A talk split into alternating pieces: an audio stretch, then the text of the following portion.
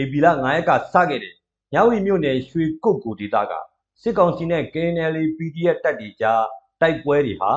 နှစ်ရက်တိုင်ဖြစ်ပွားနေတာမို့ဒုက္ခသည်တွေအလုံးမင်းနဲ့ထွက်ပြေးလာနေကြတာပါညဝတီဘက်ဖက်အထက်ဘက်မှာကျွန်တော်တို့ဟိုအာကျွန်တော်တို့ PD PDF တွေရဲ့အဲနောက်တစ်ခုကတော့ကျွန်တော်တို့ EU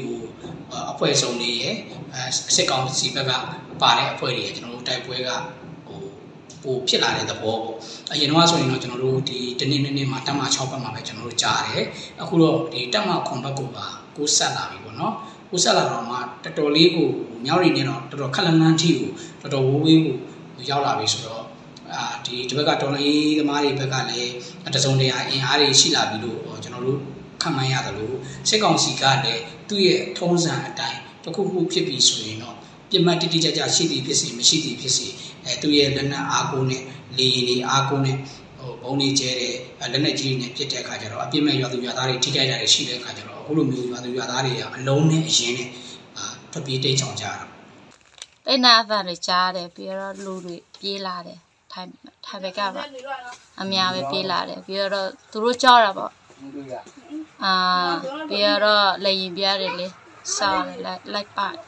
လဲတာပေါ့နော်သူတို့ကြောက်တယ်အဲ့လိုပြေးလာတယ်ဒါကြောင့်လေထိုင်းနယ်စပ်ရောက်ဒုက္ခသည်တသောင်းဝန်းကျင်ထိရှိလာနေပြီလို့ဆိုပါတယ်ဒီစစ်ပေးချောင်းလူကြီးကတသောင်းဝန်းကျင်တော့ရှိသွားပြီနောက်တစ်ခုကဆက်ရှောင်းတဲ့နေရာကလည်းဒီရက်တူတူလေးအတွဲမှာဘူး၈နေရာ9နေရာလောက်ဖြစ်သွားပြီပေါ့အနည်းဆုံးပြောရမယ်ဆိုရင်မဲဆောင်းနဲ့အနည်းဆုံးဒီဝါစကင်တို့ဘာလို့ဘက်မှာရှိတဲ့ဒီတရားနဲ့နားပတ်ဝန်းကျင်မှာရှိတဲ့ဂိတ်တရားနေပြီးတော့ ဟိုဘက်မလမရဲ့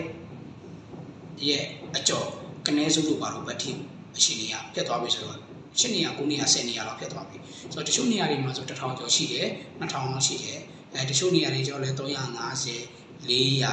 အဲ့ဒါမျိုးရှိတယ်နောက်တစ်ခုကဒီထိုင်းမဲ့ကန်ရွာတွေထဲမှာဘုန်းကြီးကျောင်းတွေစာသင်ကျောင်းတွေကျွန်တော်တို့အလုံးမလုံးတော့တဲ့ဘိုးတော်အဟောင်းတွေနောက်တရိษံမွေးမြူတဲ့ဒီမွေးမြူရေးထားတဲ့ဒီ ရှန်နေပေါ့နော်အဲရှန်နေတဲ့မှာတွေထားတာပေါ့နော်အဲသူတို့အတိတွေအိမ်မှာလာပြီးတဲခိုနေတဲ့သူတွေကလည်းရှိရဆိုတော့လူကြီးရတော့ကျွန်တော်တို့တောင်းဝင်ကျွန်တော်ရှိသွားပြီးကျွန်တော်တို့ကခံမှာပါတယ်ခုလေဝတ်တင်လာချွဲဘူးလားစာကျိုးတရခွန်ကြလေကျုကမခွန်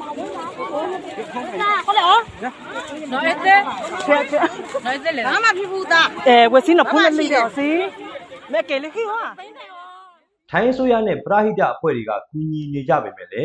ဒုက္ခသည်တွေဟာ အရေးပေါ်ရိတ်ခါနဲ့စီဝါအသုံးဆောင်တွေလိုအပ်နေကြပါတယ်ခင်ဗျာကျွန်တော်မောင်သူပါ